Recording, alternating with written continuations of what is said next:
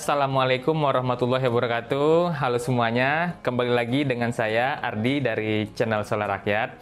Saya ingin bertanya, pernahkah kita berpikir kenapa cahaya matahari bisa menjadi listrik? Apakah ini keajaiban?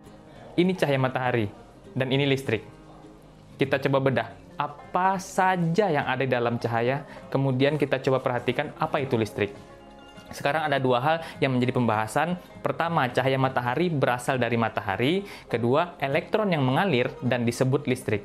Yang ingin kita tahu adalah logika dari tanda hubung antara dua. Oke, kita bahas matahari terlebih dahulu. Matahari sebagai pusat tata surya punya ukuran 109 kali lipat dari diameter bumi. Jarak matahari dan bumi itu sekitar 149,6 juta kilometer. Matahari memberikan cahayanya ke bumi. Setelah sampai bumi, maka cahaya tersebut dapat diubah menjadi listrik. Nah, sekarang kita bahas dulu apa cahaya itu. Menurut informasi, pada abad ke-17 dan ke-18, sebagian dari ilmuwan fisika menganggap bahwa cahaya adalah partikel, hingga pada akhirnya setelah diteliti dan analisa, maka disimpulkanlah cahaya itu adalah gelombang. Mereka lakukan uji coba dan secara perlahan-lahan bukti semakin kuat. Namun pada intinya cahaya adalah gelombang dan seperti yang kita ketahui, gelombang punya cara yang sangat spesifik terhadap sesuatu. Saya ingin perkenalkan Huygens yang berasal dari Belanda. Dia hidup pada abad ke-17, dia percaya bahwa cahaya itu bertindak sebagai gelombang, yang gelombang itu punya sifat menyebar. Sehingga untuk memprediksi posisi gelombang di masa depan, maka dapat dilakukan dengan menganalisa posisinya saat ini. Cukup banyak parameter yang digunakan digunakan untuk menganalisa gelombang. Dan tentu saja saya tidak jelaskan dalam video ini, namun untuk lebih detail teman-teman bisa belajar dari Huygens. Bingung ya? Tidak masalah, kita sudah coba mulai untuk bersama memahaminya. Untuk fenomena cahaya matahari, mungkin kita pernah tahu apa itu pelangi. Pelangi itu berasal dari satu sumber cahaya, yaitu matahari. Cahaya matahari yang sampai ke bumi jika dibiaskan akan membentuk cahaya yang banyak di dalamnya. Jadi cahaya itu apa? Kesimpulannya, cahaya adalah wujud energi yang bergerak dalam bentuk gelombang, karena tanpa energi, cahaya tidak akan bisa sampai pada satu titik.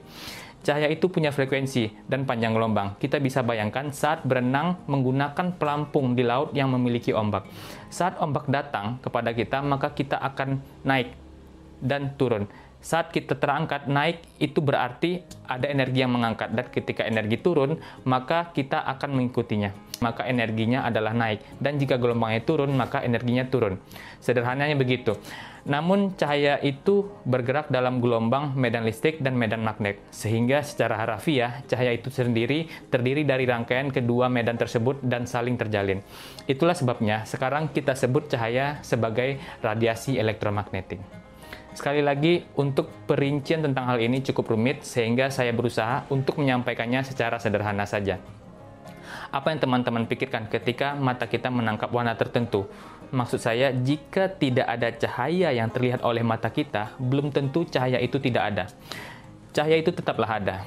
Jika cahaya punya jarak gelombang sedikit lebih pendek dari yang bisa dilihat oleh mata kita, maka kemungkinan kita tidak dapat melihatnya. Contohnya ketika kita sedang melihat warna merah. Berarti saat itu gelombangnya adalah gelombang yang standar dapat dilihat oleh mata dan warnanya juga sudah diberikan nama standar. Jika jarak gelombang tersebut sedikit lebih pendek, maka kemungkinan kita tidak melihatnya sebagai warna merah lagi, atau bahkan tidak ada sama sekali. Ini adalah gambar untuk memberitahukan jarak gelombang. Untuk gelombang terpendek disebut sinar gamma. Untuk gelombang yang memiliki gelombang yang paling panjang atau renggang adalah gelombang radio. Pada gambar ini, semoga kita bisa lebih memahaminya. Kita harus benar-benar ingat bahwa saat gelombang memendek, maka energinya semakin tinggi dan berarti jika gelombang itu semakin renggang maka energinya kecil. So, kita jangan sampai renggang ya agar energi kita bisa tetap tinggi. Pernahkah kita mendengar bahwa alam semesta itu mengembang? Hal itu tertulis di dalam Al-Quran pada surat Az-Zariyat ayat 47 di mana Allah berfirman, Dan langit itu kami bangun dengan kekuasaan kami dan sesungguhnya kami benar-benar berkuasa meluaskan. Hal ini telah dibuktikan oleh Edwin Hubble dengan menggunakan teleskop buatannya. Hubble meneliti bahwa pada satu objek luar angkasa mengalami perubahan warna dari waktu ke waktu.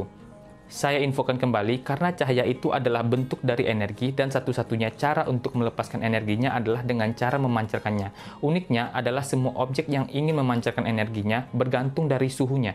Jika suatu objek yang suhunya lebih panas akan memancarkan cahayanya dengan energinya yang lebih tinggi. Berarti kalau energi itu tinggi, maka gelombang tentunya akan pendek dan dapat. Jika renggang, maka energinya sedikit. Pernahkah teman-teman memanaskan sebatang besi? Lihat apa yang terjadi jika suhu tertentu warna besi yang sebenarnya adalah gelap menjadi warna merah, warna oranye lalu menjadi warna kuning. Hal ini akan berubah-ubah tergantung dari energinya. Begitulah cara ilmuwan meneliti jarak dari suatu bintang terbuat dari apa suatu objek di luar angkasa, dan lain sebagainya. Sekarang kita ingin tahu hubungan dari sinar matahari dan listrik. Secara sederhana, listrik dapat dihasilkan dari sinar matahari dengan menggunakan solar PV modul. Solar PV modul sebagai pengubahnya terdiri dari berbagai sel yang disusun sedemikian rupa tergantung kepentingannya. Untuk sel sendiri biasanya ada dua jenis yaitu polikristalin dan monokristalin. Sebelumnya saya ingin ceritakan informasi yang cukup menarik yaitu sejarah dari solar PV modul ini kita tidak bisa lepas orang yang bernama John Barden. John Barden ini adalah satu-satunya orang yang di sepanjang sejarah yang memenangkan hadiah Nobel Fisika sebanyak dua kali. Pertama adalah tahun 1956 dengan karyanya pada pengembangan transistor, di mana transistor ini membentuk dari semua komputasi modern dan kedua pada tahun 1972 dengan karyanya tentang superconductivity yang memungkinkan kita dapat mengangkut listrik dengan efisiensi yang hampir sempurna pada masa yang akan datang. Intinya dari karya beliau adalah semikonduktor. Nah, sekarang kita bahas logika cahaya matahari bisa menjadi listrik. Matahari memancarkan energinya di dalam cahayanya. Berarti di dalam cahaya matahari itu sudah tersimpan energi. Cahaya itu datang dan bersamaan juga dengan dengan panasnya. Namun yang kita bahas sekarang adalah pada lingkup cahayanya. Kemudian ada modul surya yang terbuat dari silikon dan juga material silikon ini memiliki elektron namun tidak seimbang sehingga bisa lepas dan berpindah. Elektron itu akan berpindah setelah terpapar oleh cahaya matahari. Kenapa berpindah? Sebab elektron menerima energi dari cahaya matahari sehingga tambahan energi itu membuat elektron melompat ke tempat lain atau mengisi ruang titik kosong di tempat lain. Jika ini terjadi pada banyak sel yang disusun menjadi solar PV modul, maka elektron yang bisa berpindah inilah yang akan menjadi elektron mengalir. Elektron mengalir disebut dengan listrik. Listriknya dinamakan dengan listrik arus searah atau DC atau direct current. Secara teori, pada listrik DC ada dua kutub. Ada dua kutub, positif dan negatif. Sama seperti kutub yang dimiliki oleh baterai. Apakah listrik ini bisa kita gunakan langsung? Jawabannya bisa. Jika bebannya bisa dinyalakan dengan listrik DC, maka itu bisa. Jika bebannya hanya bisa dinyalakan dengan listrik arus bolak-balik atau listrik AC, maka diperlukan perangkat inverter di situ.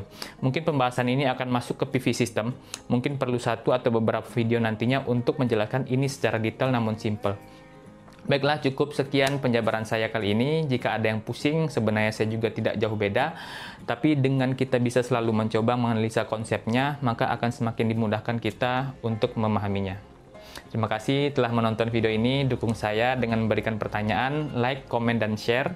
Kemudian yang lebih penting juga adalah subscribe channel Solar Rakyat. Saya Ardi. Wassalamualaikum warahmatullahi wabarakatuh. Terima kasih.